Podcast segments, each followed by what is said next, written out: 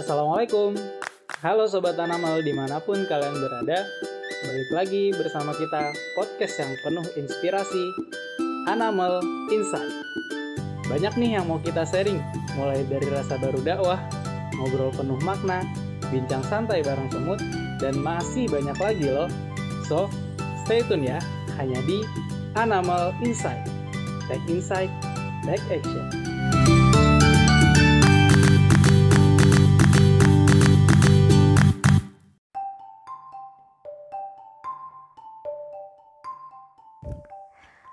Bismillahirrahmanirrahim. Halo, Assalamualaikum warahmatullahi wabarakatuh. Hai Sobat Animal di mana pun berada. Kita jumpa lagi nih di podcast Animal Insight. Pada episode kali ini kita bakal bahas tema yang insya Allah seru loh. Temanya adalah mengenal diri sebelum menikah.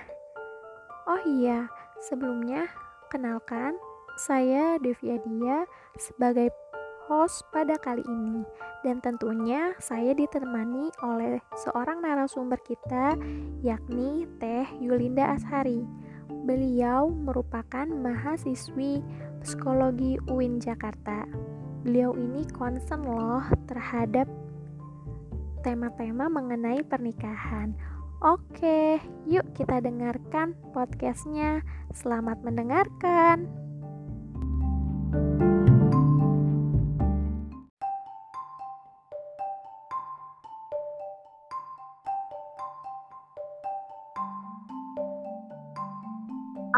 Oke, sebelumnya uh, apa kabar nih Teteh dan keluarga? Alhamdulillah sehat-sehat. Devi sehat? Alhamdulillah Teh. Oke, ini Teteh lagi di rumah atau di rumah keluarga? Di rumah aja. Gak boleh ke mana-mana ya. ya iya Teh, di rumah aja. Ya. Semoga tetap sehat dan berkah ya Teh. Amin, amin. Teh, uh, mungkin bisa dimulai ya Teh? Iya, silakan, silakan. Oke. Ini kan kita ngebahas tentang apa ya pernikahan gitu. Nah di sini sih sebenarnya kita mau ngebahas tentang hmm. mengenal diri sebelum menikah teh. Nah, menurut teh Indah nih apa sih teh indikator okay, seseorang itu siap nikah? Uh, terima kasih atas kesempatannya. Jadi gini, untuk mengetahui indikator kesiapan menikah itu sebetulnya subjektif yeah. ya. Jadi ada beberapa hal yang perlu kita persiapkan sebelum kita menikah. Nah, nanti kalau misalnya hal ini sudah dibahas, baru kita bisa tanyakan ke masing-masing pribadi, kira-kira aku udah siap nikah belum ya? Mungkin seperti itu ya. Jadi nggak ada yang oh kalau sudah begini berarti siap nikah gitu itu uh, subjektif aja sih nah gini. Uh, yang penting untuk dipelajari sebelum kita menikah itu kalau aku uh, mengkategorikannya menjadi ada lima ya persiapannya. Yang pertama itu persiapan spiritual kemudian persiapan psikologis persiapan fisik persiapan materi dan juga persiapan sosial. Kita bahas satu-satu kali ya. Sedikit singkat aja. Yang pertama itu persiapan Oke, spiritual. Nah, ini kan kita perlu memantapkan niat kita melangkah apalagi kalau kita seorang muslim ya sebetulnya kita cari apa sih dalam pernikahan? Apa sih niat kita menikah? Mengapa kita harus membangun keluarga? Kemudian kita juga harus menguatkan akidah kita karena kan membangun keluarga akhir artinya kita juga akan membangun peradaban maunya seperti itu ya. Jadi akidah itu penting sekali. Kemudian ibadahnya juga dikuatkan. Kemudian juga kita tahu hak dan kewajiban suami istri ini juga mungkin sering sering kali dilewatkan gitu ya untuk oleh orang-orang. Kemudian uh, ada kita tahu hukum-hukum fikih munakahat kemudian etika-etika aturan-aturan termasuk yang ya fikih-fikih yang kecil seperti doa-doa atau adab-adab segala macam nah itu harus tahu. Kemudian kan laki-laki juga harus siap menjadi kawam, menjadi ayah, menjadi pemimpin di dalam rumah tangga, istri juga siap untuk uh, taat kepada suami. Nah, ini harus dipersiapkan. kemudian yang kedua persiapan psikologis. Nah, persiapan psikologis ini salah satunya adalah yang akan kita bicarakan yaitu tentang mengenal diri. Kemudian kita juga harus selesai itu dengan diri kita sendiri, selesaikan kalau ada trauma, kalau masih ada masalah, hal-hal yang belum selesai dengan diri sendiri diselesaikan. Kalau misal ada masalah luka pengasuhan dan lain sebagainya itu lebih baik diselesaikan dulu. Uh, khawatirnya nanti terbawa ke pengasuhan anak kita dan lain sebagainya.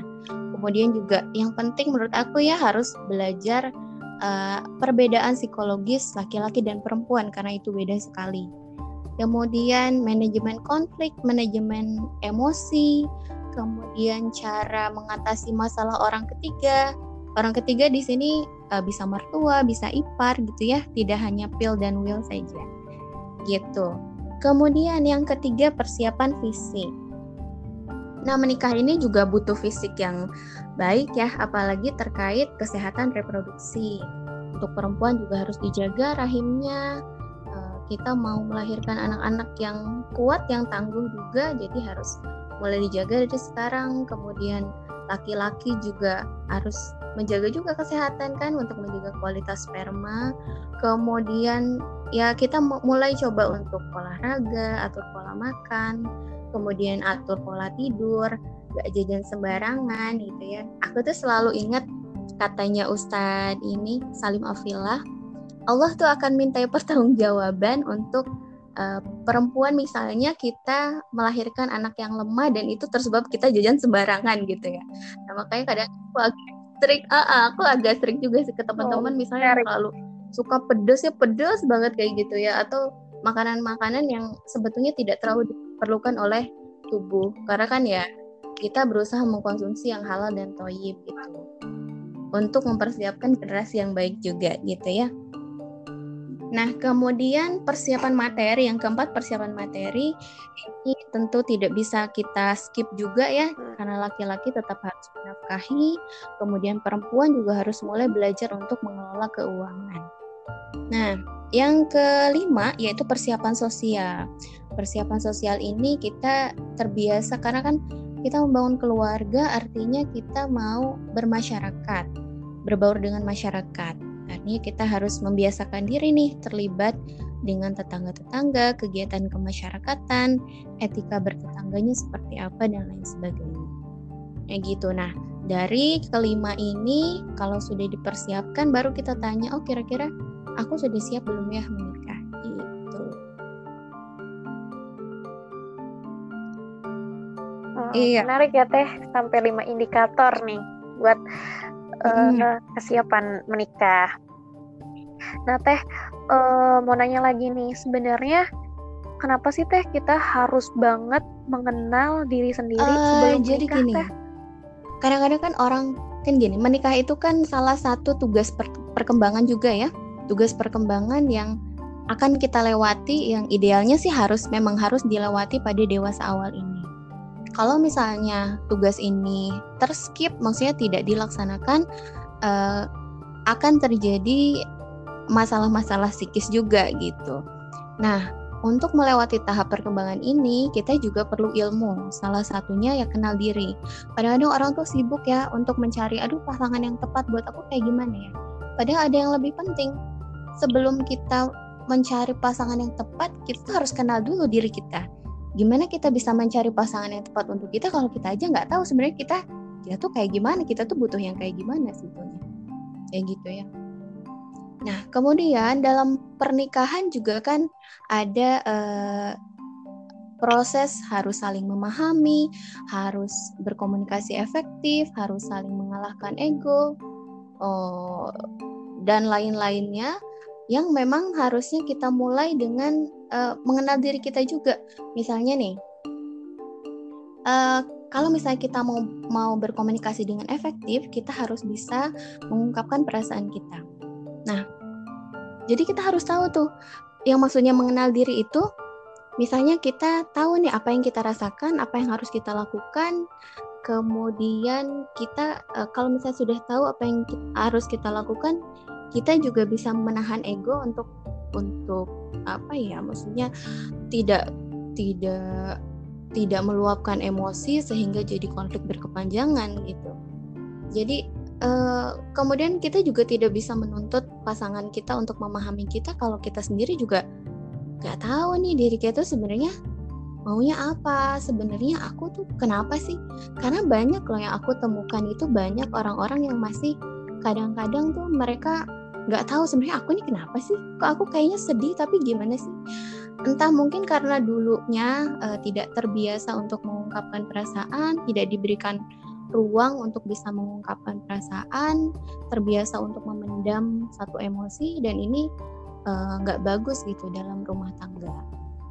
Gitu. Hmm, penting banget berarti ya teh untuk mengenal diri sendiri termasuk emosi diri sendirinya tuh harus dikenal gitu ya teh ya.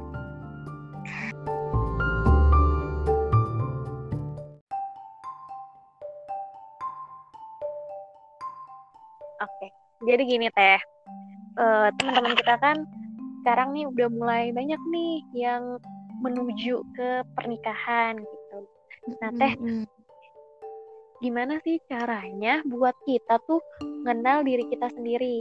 Ada nggak sih teh kayak misalnya pengukuran atau instrumen-instrumen gitu yang dibutuhkan kita? Ya jadi cara mengenal diri itu uh, ada tiga ya ada tiga caranya Tadi kalau misalnya bicara instrumen, yang pertama kalau secara mau tes psikologi boleh, tes kepribadian, mau tes minat, tes bakat, kemudian konsultasi dengan psikologinya tentang diri, itu boleh, itu bisa jadi salah satu cara juga.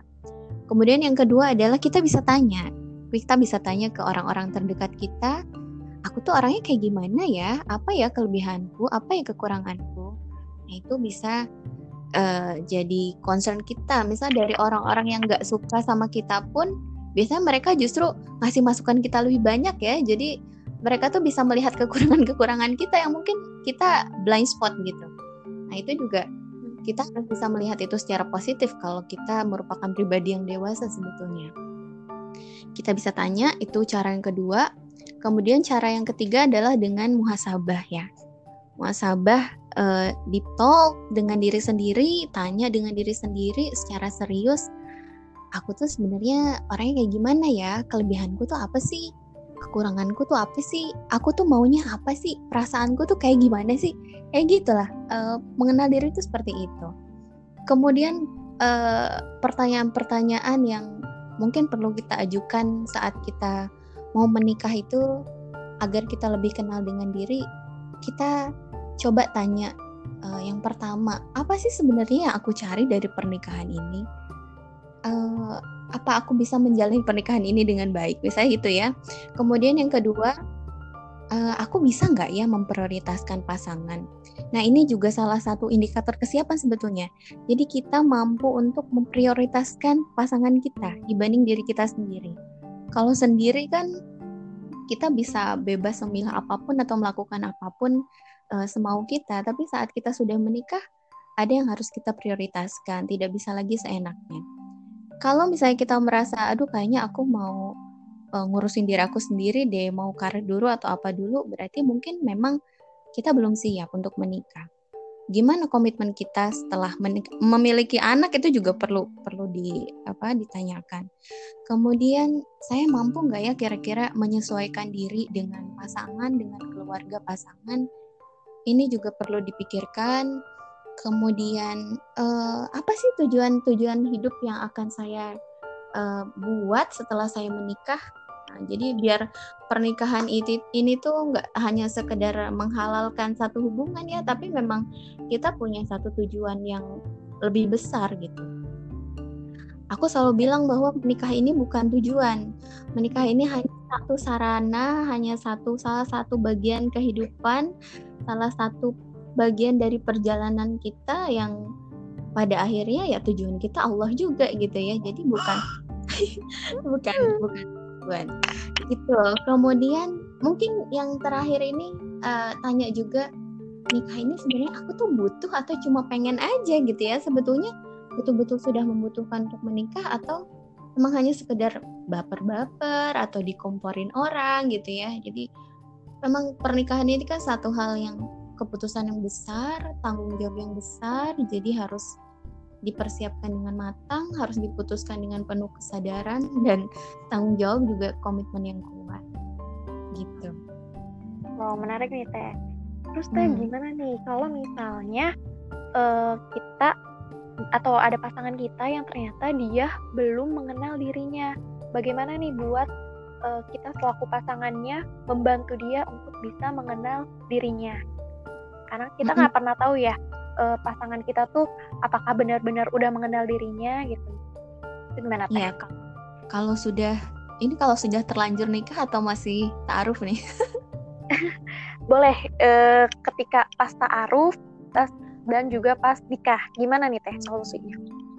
Iya, kalau saat taaruf itu kan kita sebetulnya bisa mengenal mengenal beliau dengan tanya-tanya juga ya ke keluarga, ke teman dekatnya di, di apa dicari tahu aja gitu. Nah, dulu tuh minimal banget sebetulnya ke pasangan tuh coba tes MBTI deh. MBTI itu banyak banget kan di ini di apa di web-web bebas dan yeah. gratis. Setidaknya kita tahu itu ya, kita tahu kepribadiannya. Atau tes ini, tes bahasa cinta. Tapi kalau bahasa cinta itu setelah nikah sih enaknya. Jadi okay. sebetulnya enaknya kalau kalau punya budget yang penting itu sebetulnya bukan resepsi ya, tapi budget untuk kita ke konselor ke konselor pernikahan dulu deh, biar konseling pranikah dulu deh gitu ke psikolog berdua si laki-laki dan perempuan. Biar kalau misalnya ada masalah-masalah sebelum menikah tuh bisa bisa ketahuan gitu di awal. Kayak gitu itu kalau belum menikah ya, kalau belum menikah ya kita bisa korek-korek aja, apalagi perempuan. Perempuan tuh luar biasa daya korek-koreknya benar-benar teh benar. Kalau itu sudah menikah sebetulnya itu ya kita bisa memanfaatkan quality me time juga sebetulnya. Kita tanya-tanya di talk itu tadi kesukaanmu apa ya itu jadi romantis juga jadinya. Tetap ada perantara ya teh. Kalau ini udah menikah ya udah oh ini udah menikah? Oke oke. Okay, okay. bisa bisa dengan uh, ngobrol yang berkualitas. Kemudian tes-tes juga bisa. Tes bahasa cinta sih itu penting menurut aku. Bahasa cinta jadi kan gini jadi kalau ke orang lain tuh dalam berbuat baik kita berbuat baik ke orang lain seperti uh, kita mau diperlakukan baik oleh orang lain gitu ya tapi kalau dalam hal mencintai kita tidak bisa mencintai orang lain sebagaimana kita ingin dicintai. Karena setiap orang itu punya cara yang berbeda-beda uh, untuk dicintai. Jadi gini, kita kalau misalnya mau mencintai seseorang kita harus tanya, kamu mau seperti apa caranya aku untuk mencintaimu gitu ya? Romantis teh. Karena bisa jadi beda-beda. Oh, kan gini, misalnya bahasa cinta itu ada yang bahasa cintanya di sentuhan. Dia merasa dicintai saat misalnya berpegangan tangan atau berpelukan gitu ya merasa merasa dicintai. Ada yang bahasa cintanya pelayanan. Aku nggak perlu nggak butuh sentuhan, misalnya aku nggak butuh kado. Aku tuh merasa dicintai saat uh, ada pelayanan, misalnya dimasakin lah atau dipijetin kayak gitu. Atau ada yang bahasa cintanya tuh di waktu. Nah kalau di waktu ini aku nggak butuh lah dilayani segala macam. Masalkan susah senang kamu ada di samping aku misalnya kayak gitu ya. Yang kayak gini nggak bisa LDR jadinya. Nah makanya penting juga cari tahu. Gitu ya. Oke. Terakhir ya teh nih. Ketika misalnya uh, dampak ya teh ketika misalnya kita nggak kenal diri kita sebenarnya dampak buat di pernikahan atau di kehidupan pernikahan tuh seperti apa teh? Oke, yang sering kali sih uh, yang sering kali aku temui mungkin lebih ke komunikasinya jadi nggak lancar ya. Jadi kita nggak paham apa yang kita rasakan akhirnya kita pendam pasangan kita juga nggak tahu. Apalagi tadi di awal aku bilang penting banget untuk tahu perbedaan psikologis laki-laki dan perempuan. Cara berkomunikasinya beda, kita beda jenis kelamin, beda kepala, beda otak, itu beda segala-galanya. Dan kita tidak bisa memaksa mereka untuk sama dengan kita.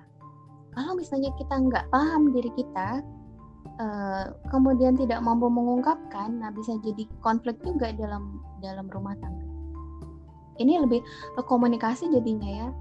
Uh, aku nggak tahu apa yang aku rasakan kok tiba-tiba sedih aja atau uh, aku nggak tahu kelebihanku nggak tahu kekuranganku. Apalagi misalnya nggak tahu kelebihan akhirnya tidak bisa man, tidak bisa mengoptimalkan pernikahan kan sayang juga. Tidak tahu kekurangan akhirnya jadi egois kepada pasangan selalu merasa benar gitu ya. Ya kita berusaha untuk memperbaiki diri karena pernikahan yang saling melengkapi itu bukan tambal sulam aku bilang. Jadi uh, bukan berarti oh aku tahu nih aku nih orang pemarah jadi aku harus nyari pasangan yang penyabar. Kasihan dong pasangannya. Padahal kan dalam pernikahan itu harusnya saling memuliakan. Misalnya aku nih aku cerewet berarti aku harus dapat pasangan yang pendiam. Ya nggak gitu juga kasihan juga dong kalau dia sebenarnya pengennya uh, tenang tapi kitanya cerewet banget gitu. Jadi sama-sama harus belajar dua-duanya sama-sama harus tahu misalnya kalau udah kenal aku orangnya ekstrovert suamiku orangnya introvert banget nih. Nah, apa yang harus dilakukan? Dua-duanya harus belajar. Yang introvert harus belajar mulai membuka diri, mau berbicara, mau mengungkapkan perasaan. Yang ekstrovert harus belajar juga, belajar menahan diri untuk uh, tahu bahwa tidak semua hal harus dibicarakan, setidaknya tidak semua hal harus dibicarakan saat itu juga. Menahan diri untuk tidak membicarakan hal yang tidak penting dalam rumah tangga. Kadang-kadang kayak gitu ya, kita nggak bisa seenaknya aja mengungkapkan emosi kalau dalam pernikahan. Harus tahu juga ada momen-momen yang pas. Kayak gitu. Jadi penting kita untuk tahu, untuk kenal, untuk selesai dengan diri kita uh, agar kita bisa saling memuliakan dengan pasangan. Wow, menarik sekali sih Teh. Jadi banyak insight nih yang aku dapetin. Oke Teh, mungkin uh, terakhir dari Teteh ada nggak sih pesan-pesan buat kita nih yang mau menuju pernikahan? Gimana sih teh baiknya untuk bisa mengenal diri sendiri atau pesan lain lah buat kita-kita nih yang belum menikah dari teteh ya. Oke, okay, um, apa ya teman-teman yang belum menikah, uh, pernikahan itu sebuah keputusan yang amat sangat besar yang mungkin bisa mengubah banyak hal dalam kehidupan, mempengaruhi banyak sekali keputusan dalam hidup. Jadi memang harus uh, diputuskan dengan sadar, jangan dalam dalam situasi di mabuk cinta atau tertekan ya. Jadi betul-betul harus rasional, kemudian harus sangat bertanggung jawab harus sangat berkomitmen dengan hal ini. Kita tahu apa konsekuensinya dari pernikahan dan kita siap dengan konsekuensi itu. Kemudian memutuskan untuk menikah artinya kita juga um, memutuskan untuk menjadi pribadi dewasa yang mandiri. Artinya kita tidak tidak bergantung lagi kepada orang tua kita saat kita ada masalah oke okay, kita selesaikan dengan pasangan kita kalaupun misalnya ada masalahnya dengan pasangan kita juga siap untuk tidak mengumbarnya ke keluar tapi kita coba untuk cari solusi dulu dengan pasangan itu jadi berdua. Nah ini kan satu hal yang manajemen konflik ini jadi penting sekali. Jadi kalau misalnya kita belum siap kita masih istilahnya belum mandiri belum bisa menyelesaikan konflik sendiri masih sering lari dari konflik nah ini juga uh, harus dievaluasi gitu ya. Karena kalau sudah menikah kita harus bisa mempertahankan cinta ini jadi aku bilangnya yang yang sulit dalam menikah itu sebetulnya bukan jatuh cintanya tapi merawat cintanya dalam setiap kondisi agar tidak sampai uh, bercerai. Katanya menikah itu mudah dan murah sebetulnya. Ke KUA gratis juga bisa gitu. Tapi kalau bercerai itu prosesnya lama kemudian biayanya juga mahal. Jadi jangan sampai deh kita maunya satu kali seumur hidup dan pernikahannya betul-betul sakinah mawadah warohmah. Bukan pernikahan yang oke okay, awet tapi di dalamnya penuh konflik penuh masalah. Kita kan nggak mau seperti itu. Gitu. Jadi ini keputusan yang sangat dewasa uh, kita melihat contoh real pernikahan itu ya seperti orang tua kita. Gitu. Mereka punya masalah kadang juga ada cekcoknya mungkin ada masalah juga dengan tetangga ada masalah juga dengan mertua atau ada dengan masalah dengan ipar punya anak-anak yang nyebelin kayak kita gitu ya. Hmm, hmm seperti pernikahan. Jadi tidak tidak melihat eh so sweet ya dari drama Korea atau apa? Ih baper ya lihat Instagram Instagram influencer. gitu mereka kan hanya memperlihatkan yang baik-baik saja. Padahal menikah ya isinya tidak hanya kebahagiaan, tapi juga tidak melulu tentang kesedihan gitu.